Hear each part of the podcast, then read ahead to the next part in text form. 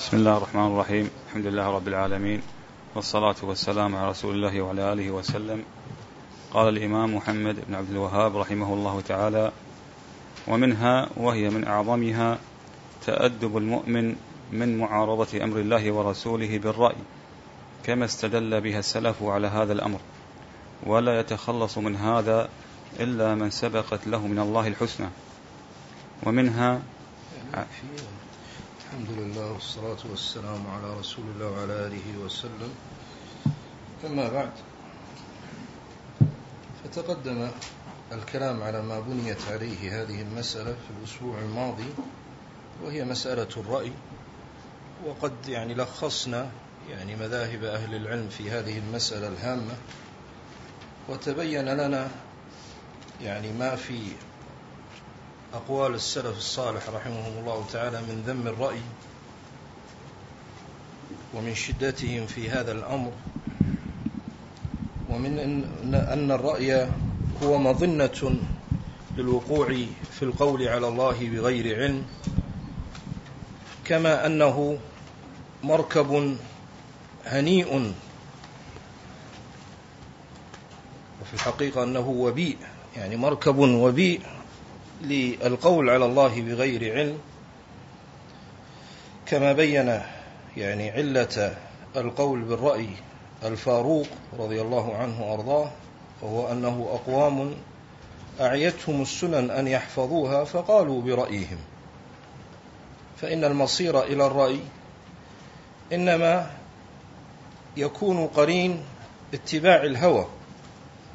أما من كان أمر دينه مبني على اتباع الوحي ويريد أن يتبع ما أنزل الله تبارك وتعالى على رسوله صلى الله عليه وآله وسلم فإن هديه ودأبه وحبه أن يبني كل أمره على شيء من الآثار.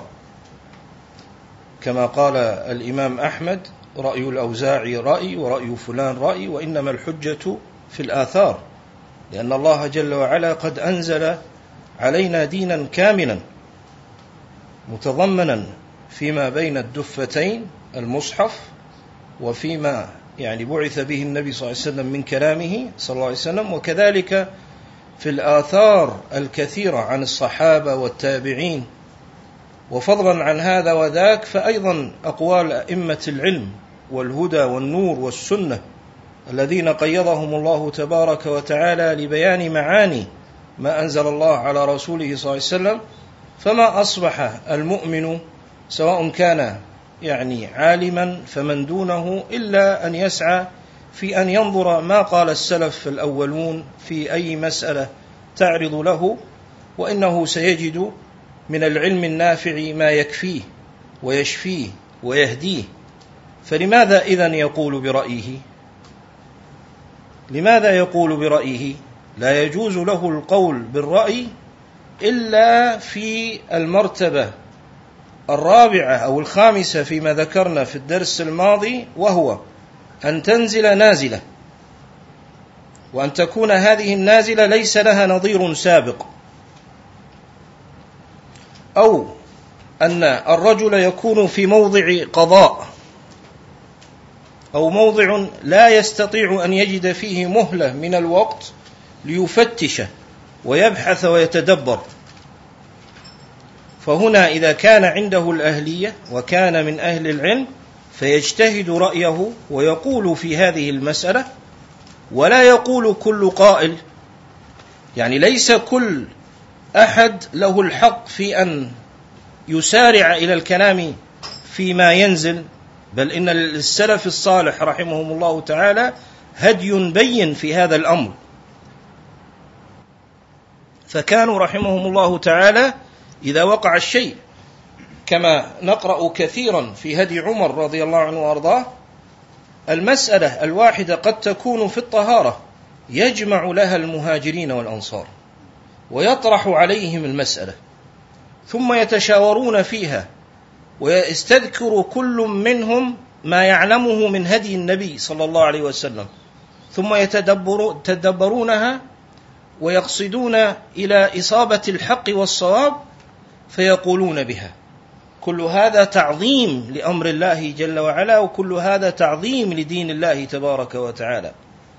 كما عبر عن هذا المعنى ولا بأس من ذكره مرة أخرى إني لأستحي أن يتعبد لله في أرضه برأيه كما يقول بعض أئمة السنة رحمهم الله تعالى. ومع علمهم وورعهم وإيمانهم وكمال مقاصدهم وقربهم من عصر النبوة ومشاهدتهم للتنزيل فكان الرجل منهم إذا اضطر اضطرارا أن يقول برأيه ويكون من أكابر علماء أصحاب النبي صلى الله عليه وآله وسلم تجده يقول أقول فيها برأيي فإن يكن صوابا فمن الله وإن يكن خطا فمني ومن الشيطان والله ورسوله بريئان منه. انظر إلى هذا الاتقاء وهذه الدقة. فما كانوا يقولون بالرأي إلا اضطرارا. ليكن ما تبني عليك عليه أمرك الأثر وخذ من الرأي ما يفسر لك الحديث. يعني تصير إلى جهة اللغة تفسر لفظة تصير إلى جهة معرفة مذاهب الصحابة هكذا. أما أن يحرف الدين والعلم ويبنى على الرأي ويبنى على القول بالرأي ويصار إلى استفتاء كل من انتسب إلى العلم من غير معرفة مذهبه. هل هو على السنة أو ليس على السنة؟ هل هو على علم أو ليس على علم؟ فإن بمثل هذا تفسد الأديان. ويضعف الإيمان ويضل الخلق. فالمقصود أن آفة إبليس لأن إحنا نحن ندرس قصة إبليس وقصة آدم عليه الصلاة والسلام. ومعصية أبونا آدم عليه الصلاة والسلام التي تاب الله جل وعلا عليه فيها واجتباه وما حصل من إبليس. فمعصية إبليس هي رأي بسبب مرضه بالكبر واستكباره عن أمر الله جل وعلا قال برأيه فامتنع من أن يمتثل أمر الله جل وعلا. فحق عليه ما حق من لعنة الله عز وجل العادله في حقه وحق أمثاله ممن يتكبرون على الرب جل وعلا. فالمقصود ومنها وهي من أعظمها تأدب المؤمن من معارضة أمر الله ورسوله بالرأي. كما استدل بها السلف على هذا الأمر كأنه يشير رحمه الله تعالى إلى قولهم وقد سبق أن أول من قاس إبليس وبالقياس عبدت الكواكب. فأول من استعمل القياس هو إبليس. والقياس استعمال للرأي. والسلف الصالح كما قلت ما كانوا يستعملونه إلا بقدر وبضرورة. ومع هذا ما كانوا يلزمون الناس برأيهم. ولا كانوا ينهون عنه عن مخالفته. يعني لا يعاملون آراءهم ورأيهم لنا خير من رأينا لأنفسنا ما كانوا يعاملون آراءهم مثل معاملة الوحي. رحمهم الله تعالى ورضي الله عنهم يقول ولا يتخلص من هذا إلا من سبقت له من الله سبحانه وتعالى الحسنى. وهذه في الحقيقة عبارة قوية جدا. يعني إذا تأملتها هنا يعني تجد أن معناها قوي من الإمام رحمه الله تعالى. يعني يقول لا يتخلص من هذا أي من معارضة أمر الله والرسول صلى الله عليه وسلم بالرأي إلا من سبقت له من الله الحسنى. يعني هذا أمر حقيقة يعني أجده عظيما. لماذا؟ لأن يعني أنت لما تقرأ العبارة الأولى تقول أنه سيذكر ولن يتخلص من هذا إلا من ربى نفسه مثلا على طاعة الله ورسوله صلى الله عليه وسلم والاستسلام للأدلة والانقياد لها وأن يتلو مثلا مثل قول الله جل وعلا إنما كان قول المؤمنين إذا دعوا إلى الله ورسوله ليحكم بينهم أن يقولوا سمعنا وأطعنا أو قول الله جل وعلا فلا وربك لا يؤمنون أو نحو ذلك من الآيات لكن هنا يقول ولا يتخلص من هذا إلا من سبقت له من الله الحسنى. فجعل عصمة العبد وحفظه من أن يقول برأيه على الوجه الغير مشروع هو هداية من الله ووقاية من الله. فكما أن الله هو الذي يهدي العبد فإن الله عز وجل هو الذي يحفظ العبد من أن يقول بالرأي. وهذا يدل على خطورة هذا الأمر. يدل على خطورة يعني الرأي. وأن الإنسان من الممكن جدا أن يقع يعني في القول بالرأي من حيث يكون مذموما وهو لا يشعر. ولذلك كان كلام السلف الصالح رحمهم الله تعالى قليلا كثير البركة. وكلام الخلف كثير قليل البركة. لماذا؟ لأن كلام السلف كان مبني على الوحي وعلى الاتباع وعلى الحق. اذا فصاحب السنة هو أولى الناس بأن يكون هذا الموضوع نصب عينيه.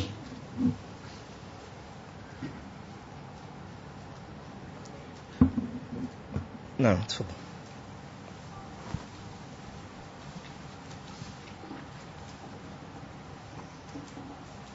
وقوله رحمه الله تعالى ومنها عدم الاحتجاج بالقدر عند المعصية لقوله رب بما أغويتني بل يقول كقول أبيه ربنا ظلمنا أنفسنا ومنها نعم وقد تقدم يعني طرف من هذا يعني من جهة أن الواجب أمام المقادير هو أحد ثلاثة أشياء ولا بأس يعني من تكرارها حتى ترسخ. فإن الإنسان ما يقع عليه أو ما يقع منه ثلاثة أشياء إما نعمة من نعم الله جل وعلا عليه فيجب عليه أن يشكر الله سبحانه وتعالى عليها. وإما ذنب ومعصية فيجب أن يبادر إلى التوبة والاستغفار. وهذا يقتضي أن يعترف بذنبه. يقتضي أن يعترف بذنبه. والأمر الثالث أن تكون مصيبة من المصائب فعليه أن يرضى بقضاء الله جل وعلا وقدره. فإن لم يستطع الرضا التام الكامل فعليه أن ينتقل إلى أن يصبر على مقادير الله جل وعلا. فهذا هو الواجب أمام ما يقضيه الله جل وعلا ويقدره. وهذا الواجب واللازم يعني متضمن في الإيمان بالله تبارك وتعالى ربا. لأن المسلم إذا قال رضيت بالله ربا فما معنى ذلك؟ أنه رضي به ربا وإلها.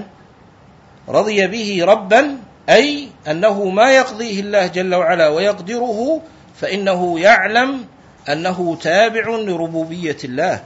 وأنه مبني على حكمته سبحانه وتعالى. وأنه مبني على عدله سبحانه وتعالى. لأنه الرب جل وعلا. كذلك من الرضا بالله عز وجل ربا أن يرضى به الها ومعبودا. فالله جل وعلا يبتلي عباده بنعمه ويبتليهم بغير ذلك حتى يمحصهم. فالمقصود أن إبليس نسب الإغواء إلى الرب جل وعلا. وهذا من سوء أدبه مع الله عز وجل والذي امتنع أن يسجد امتثالا لأمر الله تبارك وتعالى لا يستغرب منه سوء الأدب هذا بأن ينسب الإغواء الذي وقع عليه إلى الله جل وعلا فينسب النقص على الله كأنه قد ظلمه تبارك وتعالى. وتعالى عما يقول إبليس علوا كبيرا.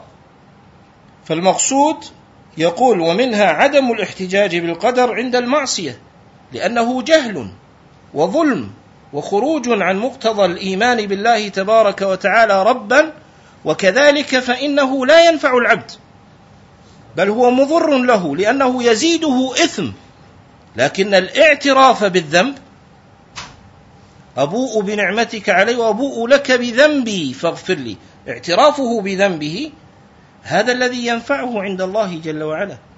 هذا الذي يهيئه لما ورائه من تملقه وسؤاله الله جل وعلا أن يغفر له. أما معارضته المعصية لا أنا كذا أنا كذا يعتذر عن نفسه فما هي منفعته ما هي مصلحته من هذا الاعتذار؟ في الحقيقة أنها زيادة إثم وزيادة سيئة ولا تنفعه شيئا وهذا من الجهل. بل يقول كقول أبيه ربنا ظلمنا أنفسنا. الاعتراف بالذنب والانكسار بين يدي الرب تبارك وتعالى وسؤال الله جل وعلا المغفرة. فهذا هو المسلك وهذا هو الطريق الذي يعني فعله آدم عليه الصلاة والسلام ويفعله كل أنبياء الله تبارك وتعالى. فينتبه العبد أنه دائما أمام أي قدر من المقادير لا يعطي للشيطان مهلة أن يتسلط عليه. بل يبادر إلى الله عز وجل ذاكرا لله لاجئا إليه حتى يكون متقيا لله عز وجل فيما يعني يحصل ويطرأ عليه. أما أن يستسلم لهوى نفسه وأن يعطي فسحة للشيطان فإن هذا خطر عليه. نعم. وقوله رحمه الله تعالى ومنها معرفة قدر, قدر المتكبر عند, عند الله خصوصا مع قوله قال فاهبط منها فما يكون لك أن تتكبر فيها ومنها الفخر بالأصل وقد ورد عن النبي صلى الله عليه وسلم التشديد في ذلك. والفخر منهي عنه مطلقا ولو كان بحق فكيف إذا كان بباطل؟ نعم.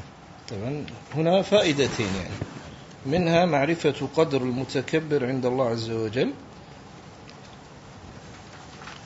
وهذا يعني باب واسع.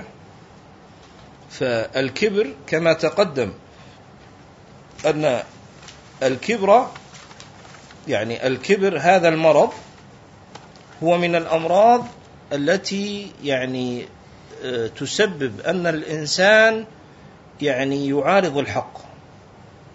كما قال الله جل وعلا سأصرف عن آياتي الذين يتكبرون في الأرض بغير الحق. وحسبك يعني في هذا الجرم أو في إثم الكبر حسبك أن النبي صلى الله عليه وآله وسلم قال لا يدخل الجنة من في قلبه مثقال ذرة من كبر. لا يدخل الجنة من في قلبه مثقال ذرة من كبر كما في حديث ابن مسعود في مسلم. فذرة من كبر تمنع من دخول الجنة. فالكبر هذا مرض سببه أسبابه كثيرة ولكن أعظم سبب من أسبابه ضعف التوحيد. ضعف توحيد الله تبارك وتعالى. لأن من يعرف الله جل وعلا ويعرف أن الله عز وجل هو المتكبر ويعرف أن الله جل وعلا يقول العظمة إزاري والكبرياء ردائي فمن نازعني شيئا منهما قصمته كيف يتأتى له أن يتكبر؟ الكبر لا يكون ممدحة وكمالا إلا لمستحقه لمن حاز صفات الكمال كلها أما الإنسان الناقص فليس له أن يتكبر في الأرض. نعم له الله جل وعلا أعطاه شيئا يحافظ فيه على كيانه وعلى نفسه وعلى عدم إذلال نفسه لكن هذا الشيء هو العزة.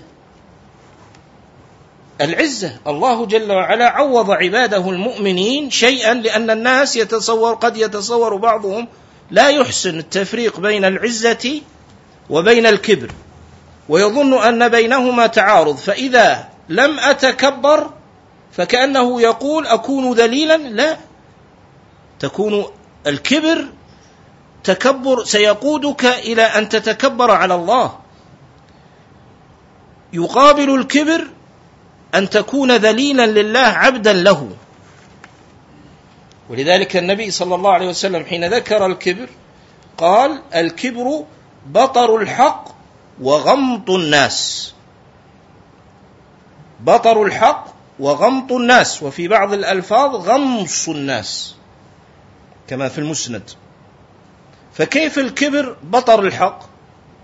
لأنه يحمل على عدم الذل التام لله عز وجل. ينافي العبودية لله عز وجل. الكبر ينافي العبودية لله تبارك وتعالى. العبودية طبعا التامة الكاملة لله عز وجل. لأن المتكبر يكون عاصيا لله جل وعلا. إلا إذا حمله كبره على ما حمل الكبر إبليس فهذا أمر آخر. لكن المقصود أن الكبر لا يقع إلا في قلب لم يحقق التوحيد لله تبارك وتعالى ولم يعظم الرب جل وعلا حق التعظيم سبحانه وتعالى. والله جل وعلا أعاض عباده المؤمنين بالعزة. إنما العزة لله ولرسوله وللمؤمنين. فالعزة هذه مطلوبة لكن العزة فسرها رسول الله صلى الله عليه وسلم. قال وعزته استغناؤه عن الناس. ففسرها النبي صلى الله عليه وسلم ببعض لوازمها. صلى الله عليه وآله وسلم. فسرها ببعض لوازمها. وهو أنها تقتضي أن يكون غير ذليل ولا محتاج ولا منكسر للناس. فهذه عزة المؤمن. وأعظم عزة المؤمن هذا عزته في الدنيا. وأعظم عزته هي في الدين.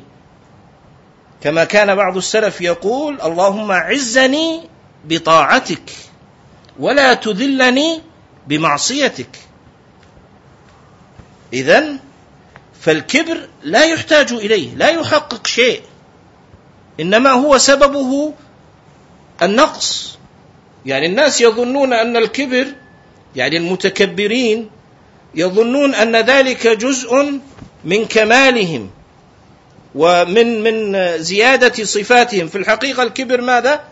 صفة نقص نقصه الذي يدفعه إلى الكبر.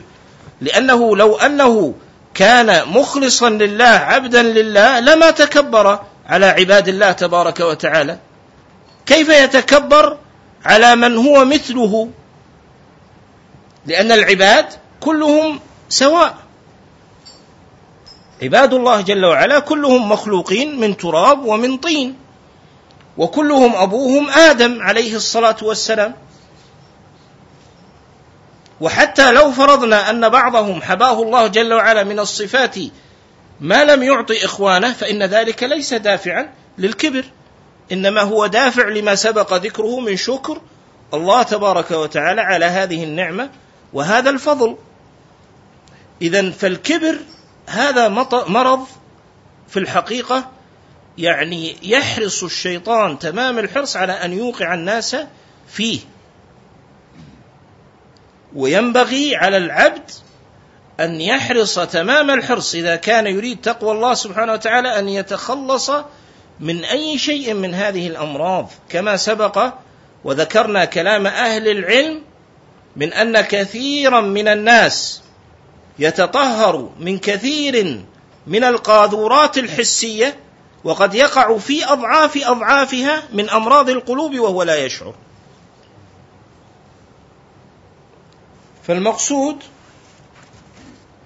أن الإبليس لما وقع منه هذا الكبر مع الإعجاب برأيه ثم عصى الله جل وعلا ولم يكتفي بهذا بل استدل على معصيته مقابلا أمر الله جل وعلا استحق هذه اللعنة إلى يوم الدين أن يلعن في مقابل هذه الصفة. فكيف بمن يقع في قلبه شيء من هذه الصفات يكون معرضا لسخط الله عز وجل؟ وهذا خطر. وهذا معنى قول الإمام رحمه الله. معرفة قدر المتكبر عند الله. خصوصا مع قول الله جل وعلا فاهبط منها فما يكون لك أن تتكبر فيها. فاخرج إنك من الصاغرين. عامله الله جل وعلا بنقيض قصده فجعله صاغرا وهو كان يريد ماذا؟ العلو. نعم. ثم قال رحمه الله تعالى ومنها أي من فوائد يعني هذه القصة الفخر بالأصل. ومراده استدلال إبليس.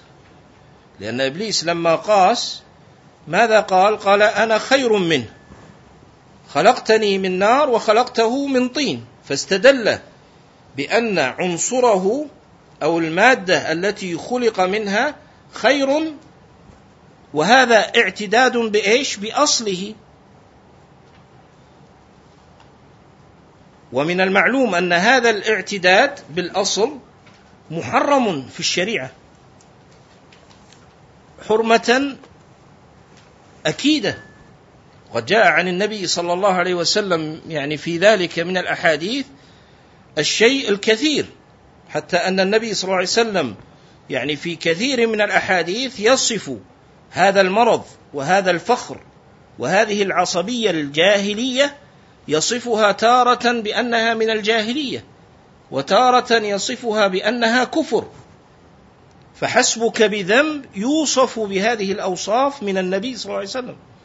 كما قال صلى الله عليه وسلم مثلا أربع من أمتي من أمر الجاهلية لا يتركونهن. الفخر بالأحساب والطعن في الأنساب.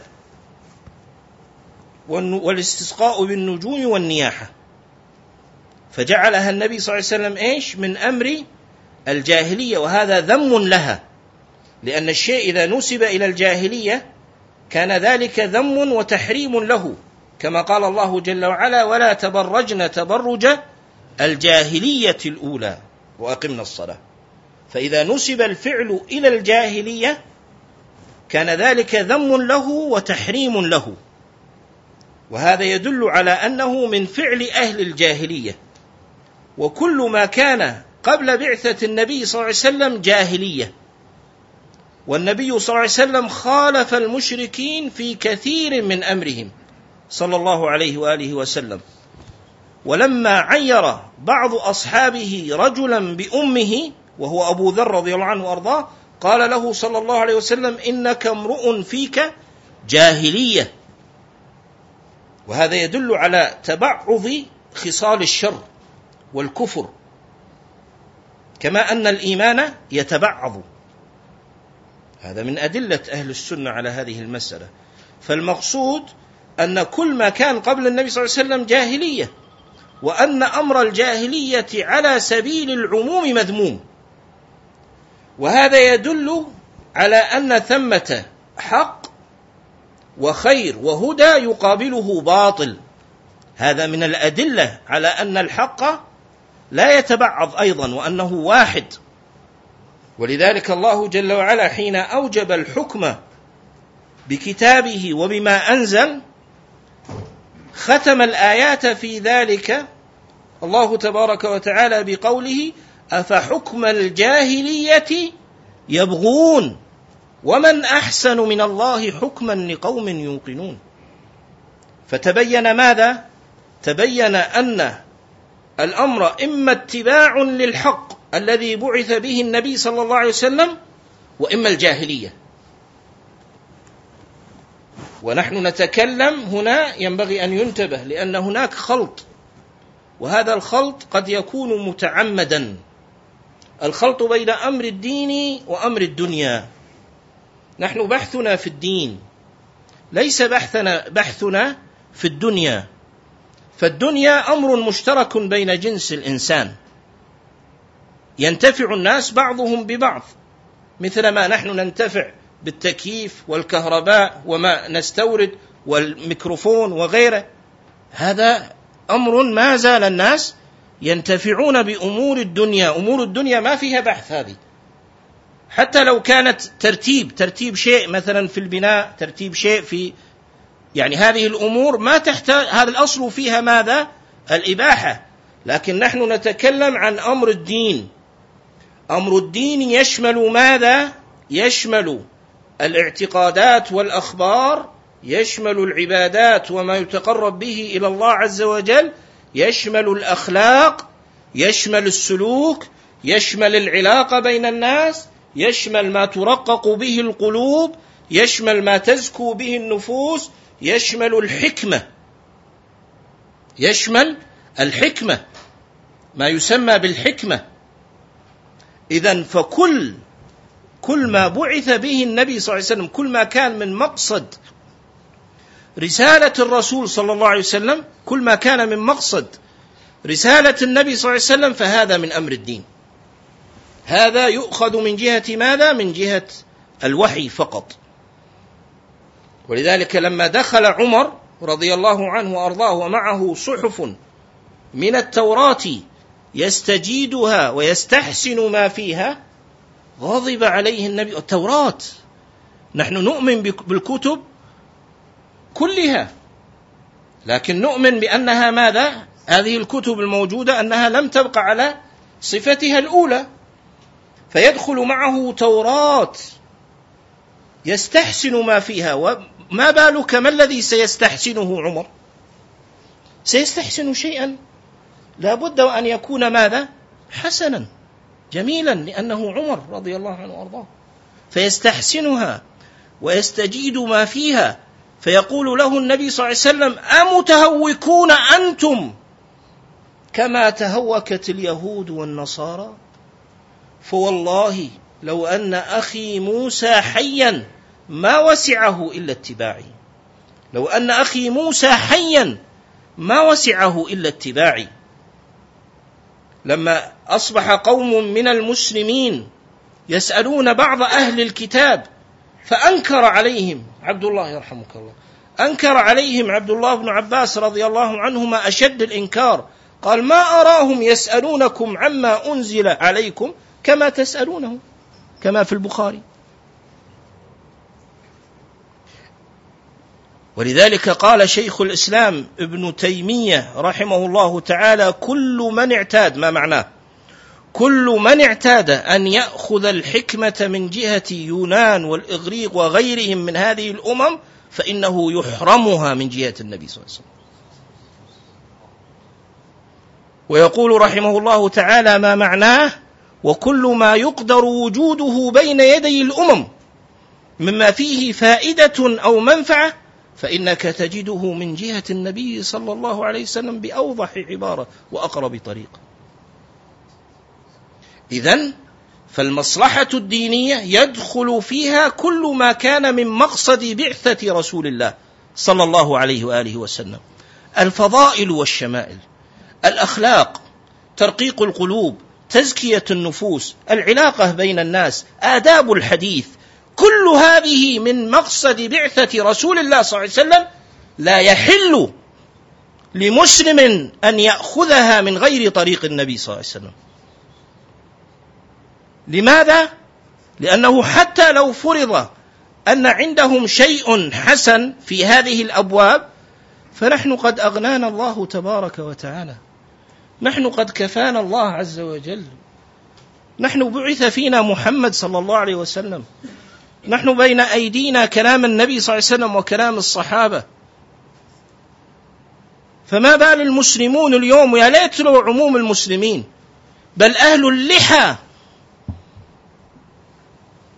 الذين يزعمون تارة يأتون بمظلات تارة لإصلاح البيوت وتارة تحت ستارات قد يكون في بعض مباحثها فائدة للمسلمين كالتنمية أو الإدارة أو ما أشبه ذلك ها؟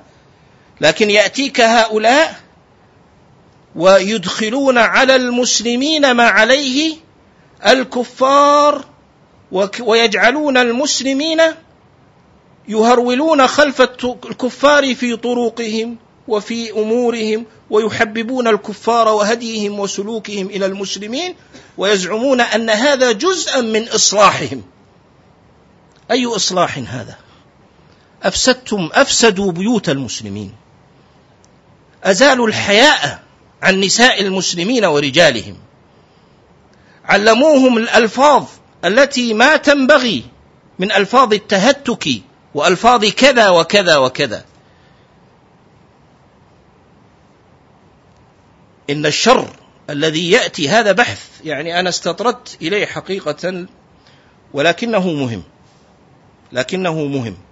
فألخصه ولعلنا نتذاكر فيه إن شاء الله تعالى مرة أخرى. ولكن ألخص لأن حتى لا نستطرد كثيرا فألخص الموضوع من أن الخطر من جهة الغرب والكفار لن يأتيك يعني على دين المسلمين لن يأتيك من جهة الكفار.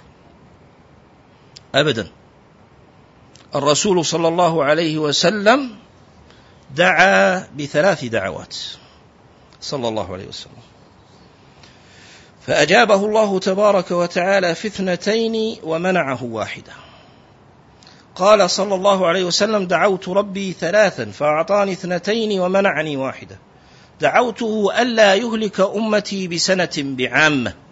يعني بعذاب يستأصل شأفتهم كجنس ما حصل للأمم السابقة. قال فأعطانيها. وسألته ألا يسلط عليهم عدوا من سوى أنفسهم فيستبيح بيضتهم حتى يكون بعضهم يقتل بعضا وبعضهم يسبي بعضا. قال صلى الله عليه وسلم فأعطانيها. إذا الكفار لن يسلطوا على المسلمين بالمعنى الذي يروجه هؤلاء الذين ينقلون أمراض الكفار للمسلمين. حتى ينقلوا المعركة بدل أن تكون بين السنة والبدعة أن تكون بين المسلمين وماذا؟ والكفار. وهذا باب واسع.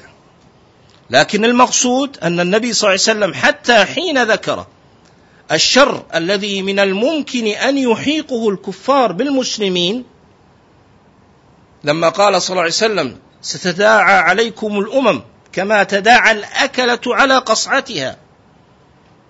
قالوا أو من قلة نحن يا رسول الله؟ قال أنتم يومئذ كثير ولكنكم غثاء كغثاء السيل ويظهر فيكم السمن والوهن قيل وما الوهن؟ قال حب الدنيا وكراهية الموت.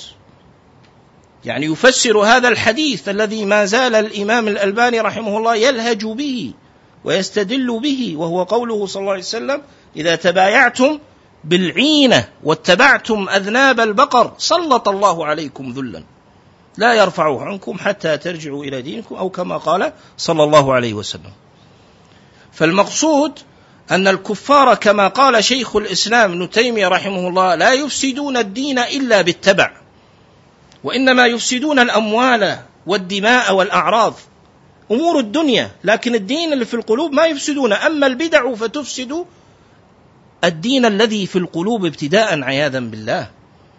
فالمقصود أن النبي صلى الله عليه وسلم حذرنا فقال لا تتبعن سنن من كان قبلكم حذو القذة بالقذة وذراعا بذراع وشبرا بشبر حتى لو دخلوا جحر ضب لدخلتموه. قالوا اليهود والنصارى قال فمن القوم؟ إذا فمن الذي سيتبع هدي الكفار ويدخله على المسلمين؟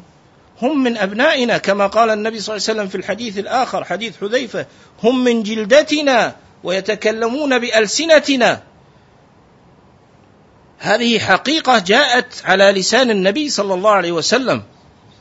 فالمقصود أن شر الكفار وأساليبهم في أمور التي استغنى عنها المسلمين ببعثة النبي صلى الله عليه وسلم لا يجوز أن تؤخذ إلا من جهة النبي صلى الله عليه وسلم. أما مصالح الدنيا فالحمد لله. هذه ما زال الناس ما تحتاج بحث أصلا. هندسة طب إدارة نفط إلى آخره. وإن كان في استعمال بعض أمور الدنيا في مصالح الدين يعني شيء معين يستعمل في مصلحة دينية فهذا قد يدخل فيما يسمى عند أهل العلم بماذا؟ بالمصلحة المرسلة. المصلحة المرسلة. فهذا باب مثل ما أخذ النبي صلى الله عليه وسلم حفر الخندق مثل ما جمع أصحاب النبي صلى الله عليه وسلم القرآن وما أشبه ذلك. إذا فينبغي هذه المسألة أن ينتبه لها المسلم يعني تماما. فالمقصود أن النبي صلى الله عليه وسلم في ذكر الجاهلية أن الجاهلية هي كل ما يقابل بعثة النبي صلى الله عليه وسلم.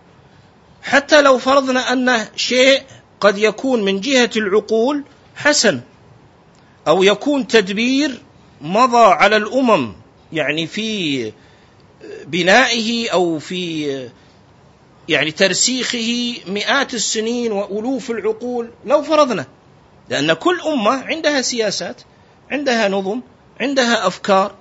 ليس بالضرورة أن تكون هذه الأسباب يعني غير مؤدية لأغراضها. قد تكون أسباب نافعة لهم هم قد تكون أشياء جيدة لهم هم. هم ما عندهم نبوة ما عندهم هدي النبي صلى الله عليه وسلم ما عندهم كتاب الله.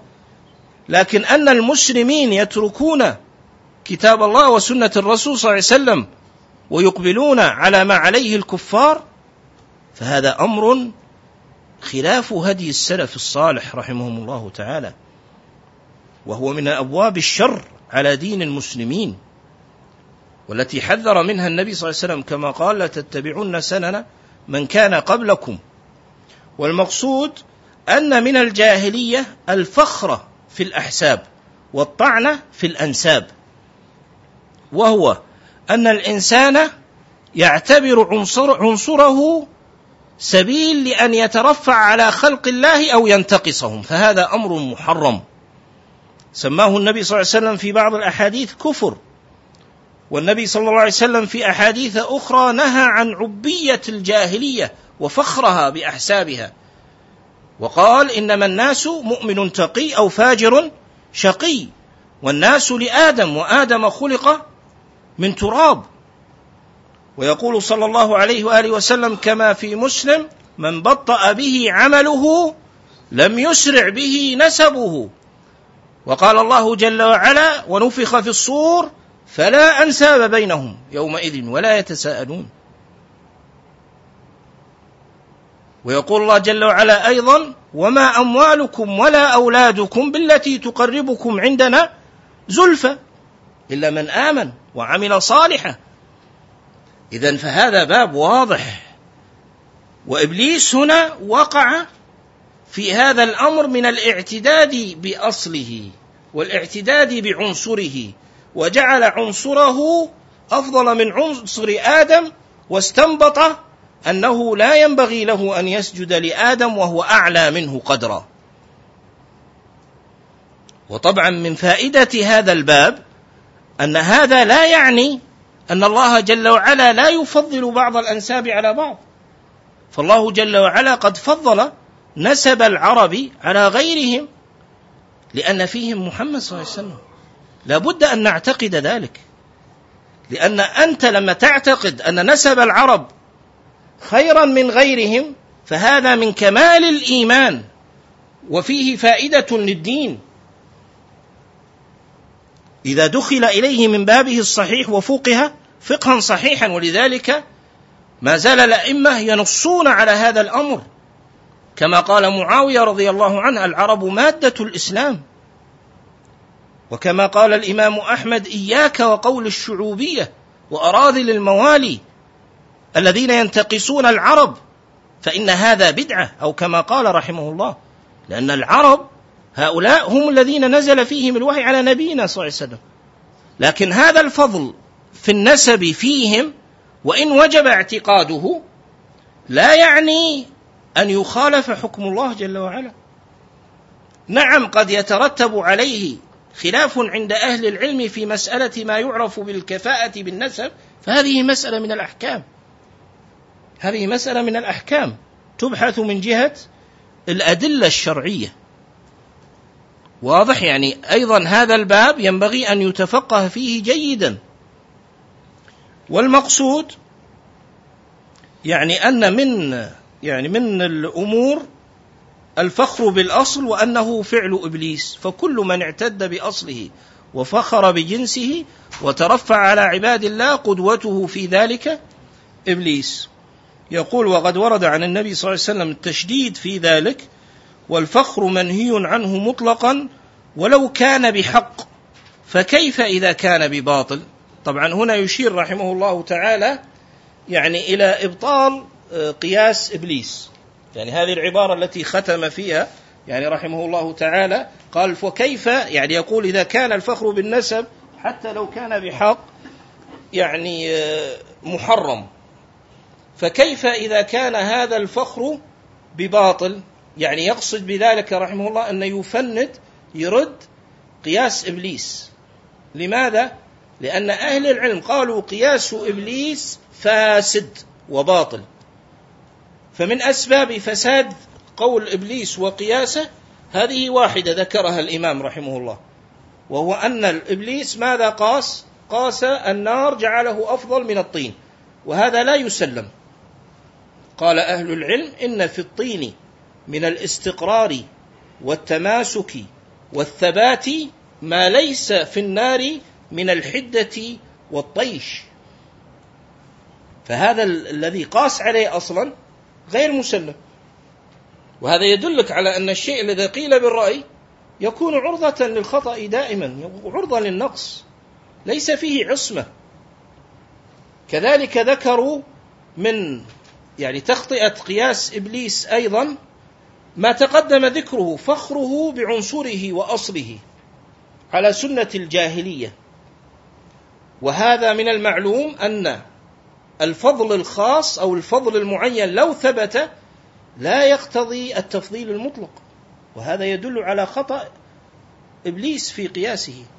كذلك فإن آدم عليه الصلاة والسلام نفخ الله جل وعلا فيه من روحه فهذه الصفة الشريفة التي فضل بها آدم ليس لإبليس مثلها فآدم أفضل من هذه الناحية. كذلك فإن آدم عليه الصلاة والسلام خلقه الله جل وعلا بيديه وهذه ليس لإبليس مثلها. والخامسة أنه لو فرض أن إبليس أفضل من آدم أو أنه أفضل ومفضول فما المانع من أن المفضول يقوم ب يعني الشكر أو يقوم بشيء بشيء لمن هو أفضل منه. فهذا ليس بمرذول لا في العقول ولا في الشرائع بل هو ممتدح. فكيف إذا كان امتثالا لأمر الله تبارك وتعالى؟ فاتضح إذن أن قياس إبليس هذا عند علماء أهل السنة فندوه بالحجة والبرهان وبينوا أنه قياس فاسد. فانظر إلى قيمة أهل العلم وعمق علومهم وفهومهم رحمهم الله تعالى أن القياس الذي قاسه إبليس فندوه بالأدلة القاطعة وبينوا نقصه وبينوا مخالفته. وهذا يدلك على فضل أهل العلم وعلى وجوب الانتفاع بهم والرجوع إليهم رحمهم الله تعالى. ونكتفي بهذا القدر والله أعلم وصلى الله وسلم على محمد وعلى وسلم. الأسبوع الجاي إن شاء الله قبالة رمضان نوقف. لعل يعني أحد يعتمر أو كذا الأيام الأول ما أدري راح يكون أربعة يمكن رمضان أو ها؟ أو ثلاثة.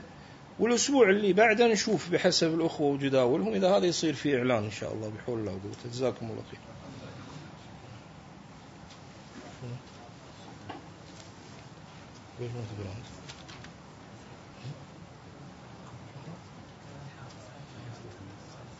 شو؟ يقول إذا كان الإمام الشافعي والشافعية يرون أن سجود السهو سنة ولم يسجد للسهو فهل يلزمني أن أسجد أم أتبعه؟ وأنا أرى أن سجود السهو واجب. لا إنما جعل الإمام ليؤتم به يقول النبي صلى الله عليه وسلم. إنما جعل الإمام ليؤتم به فأنت تتبع إمامك فيما يعني يفعله. إذا يعني لم يتمكن يعني أن يصلى إلا خلف مثله. والواجب على المسلمين أن يسعوا دائما في أن يتقدم في الإمامة من يكون يعني على سنة وما يكون من أهل البدع.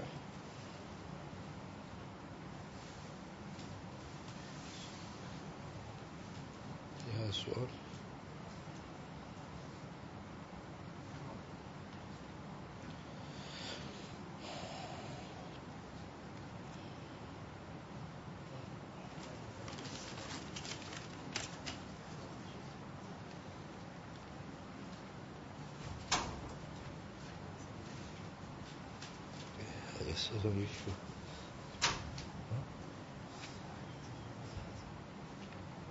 يقول هل كل من دافع عن الشيخ محمد أمان الجامي يكون على السنة؟ وهل من يدافع عن منهج الشيخ محمد أمان رحمه الله الجامي يلزم منه الدفاع عن منهج الشيخ ربيع والشيخ عبيد الجابري؟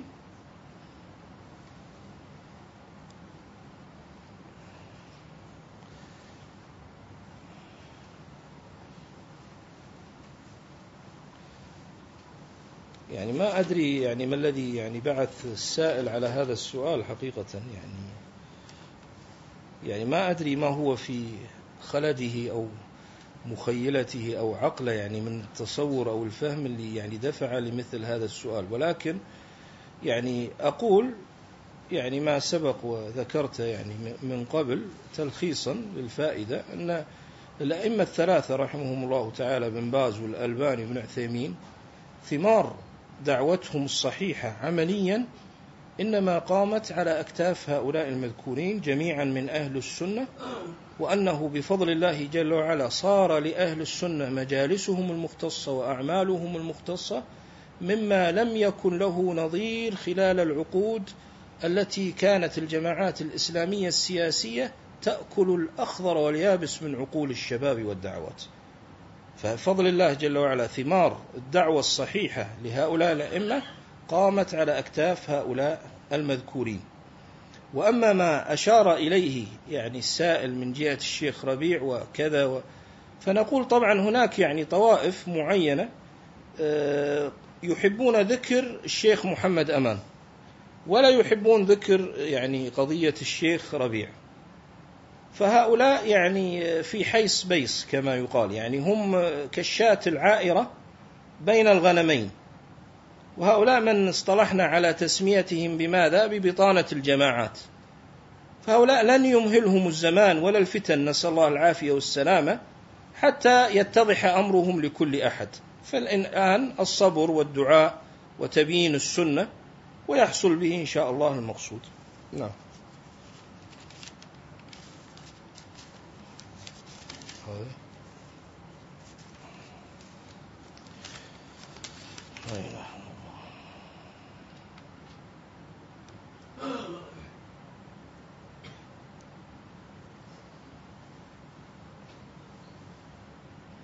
يقول أفتى بعض العلماء بعدم جواز العمل السياسي أو الانشغال به مطلقا للسني صاحب السنة فكيف نوفق بين هذه الفتوى وبين موقف الصحابة الذين كانوا أصحاب السنة ومع ذلك كانوا يجاهدون ويتعاملون بالسياسة مع الأعداء آه، بوضع خطط القتال والمكر بالكفار وخديعتهم. يعني هذا السؤال يعني حتى يجاوب يعني جوابا يعني كاملا أو شافيا يحتاج الكلام على أكثر من مسألة حقيقة. يحتاج الكلام على أكثر من مسألة والذي يظهر يعني أن السائل آه، ما أدري يعني آه، يعني ما أدري شنو المواد اللي هو فاهمها ومتعرض لها يعني. أهل السنة يفرقون يعني بين عمل الدول وبين عمل سائر المسلمين بين عمل الأمراء وبين عمل غيرهم. أهل البدع لا. يجعلون كل ما خطب به الأمراء هو خطاب لكل مسلم. هذا فارق بين أهل السنة وبين أهل البدع. فأهل السنة عندهم الدول هذه الموجودة دول إسلامية. والأمراء الموجودين هم مسلمين تنطبق عليهم أحاديث الرسول صلى الله عليه وسلم. وعلهم السمع والطاعة ولا يجوز الخروج عليهم والأمور المتعلقة شرعا بهم مثل الجهاد وإعلانه مثل الأشياء التي هي ترجع إلى الأحكام السلطانية فمرجعها إلى هؤلاء الدول. ونحن منهيين على لسان النبي صلى الله عليه وسلم أن ننازع الأمر أهله. فأهل السنة لا يتدخلون بعمل الدول. أما أهل البدعة فعندهم أن كل خطاب لإمام أو أمير هو خطاب لكل مسلم. وأنه يجب أن كل مسلم يقوم بدور الدول. وهذا خلاف ما دلت عليه الأدلة وخلاف عمل السلف الصالح. كما قال الشيخ محمد بن عثيمين رحمه الله إشغال الناس وكلامهم في السياسة خلاف ما كان عليه الصحابة وخلاف منهاج السلف الصالح. فالمقصود يعني أن يعني هذه المسألة مثل ما يقولون يعني طويلة الذيول في البحث لها متعلقات. لكن أهم شيء يعني أهم شيء ما ذكر من الصحابة الصحابة كانوا تحت إمرة النبي صلى الله عليه وسلم. أما اليوم هؤلاء الذين يخرجون عن الأمراء ويبتدئون الأمور من تلقاء أنفسهم فمثل هؤلاء خارجين عن طاعة السلطان.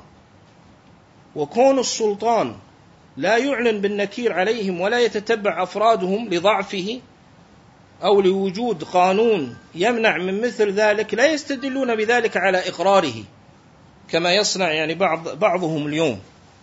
لما يحاصر من جهة الأدلة الشرعية يقول أنا أذهب وأفعل وكذا ولم يعني يأتني شرط ولم يأتني أحد فيستدل بتركه على مشروعية فعله وإقرار السلطان. لا هذا غير صحيح هذا الاستدلال.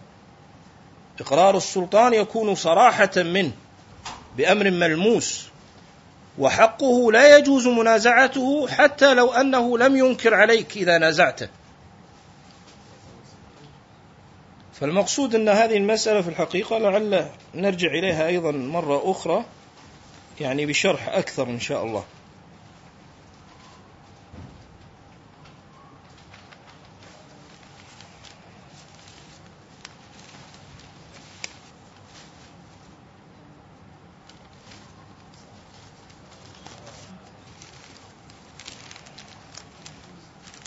طبعا في سؤال عن البغاة والخوارج وكذا. فالمهم يعني في هذا الموضوع أنه يبنى على أحاديث النبي صلى الله عليه وسلم. والرسول صلى الله عليه وسلم يعني بين أن من خرج على أمتي يضرب برها وفاجرها ولا ولا يتقي من مؤمنها فاقتلوه كائنا من كان. فأي نوع من الوقوف في وجه السلطان هو خروج. أما حكم هذا الخارجي بنفسه فهذا قد يختلف. هذا قد يختلف. لكن المهم أنه لا ينبغي يعني أن يلتفت إلى هذه الشبه اللي تثار اليوم أن هؤلاء يعني يقولون مثلا أنه لا يصح أن تطلق عليهم خوارج. الأئمة رحمهم الله كلهم حتى الشيخ الفوزان وغيرهم يطلقون على من يخرج اليوم ولا يرى الطاعة خارجي بإطلاق.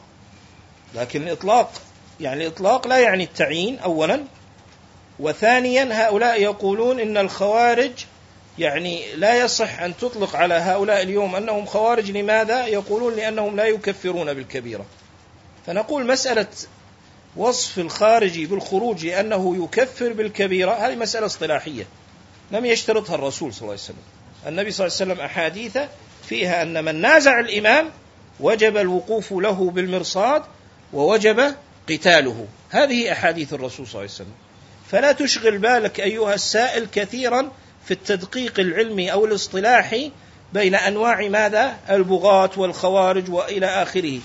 فإن هذا سيفتح لك بابا من شبه القوم قد يعني تشككك أو تضعف إيمانك في هذه القضية. أنت عليك بأحاديث الرسول صلى الله عليه وسلم.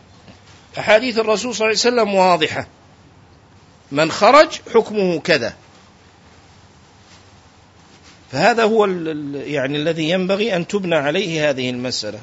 أي إنسان يعصي السلطان ويخرج عليه ويحرض الناس عليه يعامل معاملة الخوارج. أما حكمه في عينه فهذا عند القضاء. بس.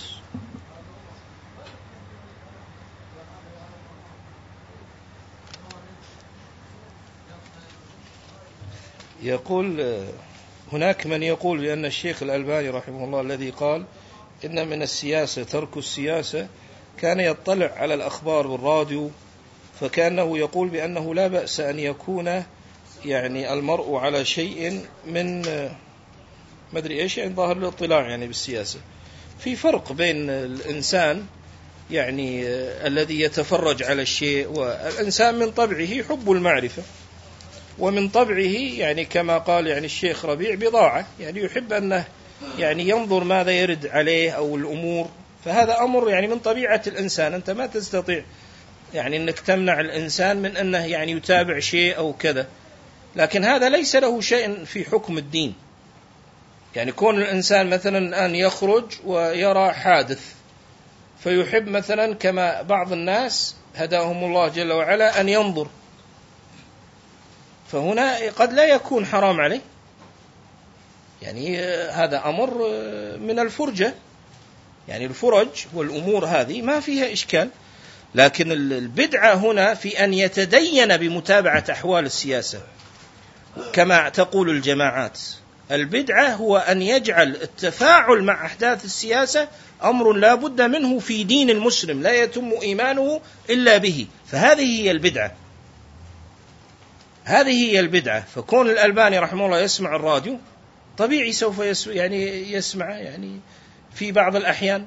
ماذا تريد يعني سيتابع الألباني حتى يعني يخرج من انشغاله بالعلم وغير ذلك إذا أراد الاسترواح؟ يعني بعض أهل العلم يقرأ مثلا في التاريخ. بعض أهل العلم يقرأ في الأدب. بعض أهل العلم يجم نفسه بكذا وكذا. يعني هذه أمور ما يعني ما ينبني عليها أحكام شرعية. فجعل هذا معارض هذا يدل على أن ينبغي أن يفهم أين البدعة في عمل الجماعات. البدعة هو في منازعة عمل السلطان المختص به. هو منازعة عمل الدول. البدعة في جعل هذا الأمر مشروع وواجب وأنه لا بد منه. البدعة في أنهم يؤثمون من لا يتابع أحوال المسلمين. البدعة أن قضايا المسلمين والإسلام تصبح تؤخذ من ماذا؟ من الأحداث ومن الواقع ما تؤخذ من كتاب الله ومن سنة النبي صلى الله عليه وسلم. هذه هي بدع الجماعات. تارة تحت مسمى فقه الواقع وتارة تحت مسميات أخرى. هذه بدعتهم. لأنهم ما يعترفون بهذه الدول. ما يعترفون بهذه الدول. عندهم هذه الدول يعني أصلا غير مشروعة. هذا الأصل في اعتقاد الجماعات. حتى منهم اليوم يعني من صار نوعا ما بفضل الله جل وعلا وجهود وجهاد يعني أهل السنة صار يقول ببعض أقوال أهل السنة في مسألة يعني الطاعة وغيرها. فحتى هؤلاء أيضا يعني في قولهم من الدخن والخلل ما فيه لأنهم يقيدون السمع والطاعة بالدستور والقوانين. وهذا يدل على أنه لم تنشرح صدورهم تماما ولم تؤمن تماما بالاعتقاد. المؤمن يأخذ اعتقاده من في رسول الله صلى الله عليه وسلم مباشرة من غير واسطة ويعتقد ويتدين به. كل ما يأتي بعد ذلك هذا لا التفات إليه. أما هؤلاء يقولون بالسمع والطاعة ثم يلجؤون في تنظيم العلاقة بين الحاكم والمحكوم إلى ماذا؟ إلى الدستور فأين الإيمان بالسمع والطاعة؟ هذا تناقض هذا تناقض فنسأل الله تبارك وتعالى أن يوفقهم للتوبة النصوح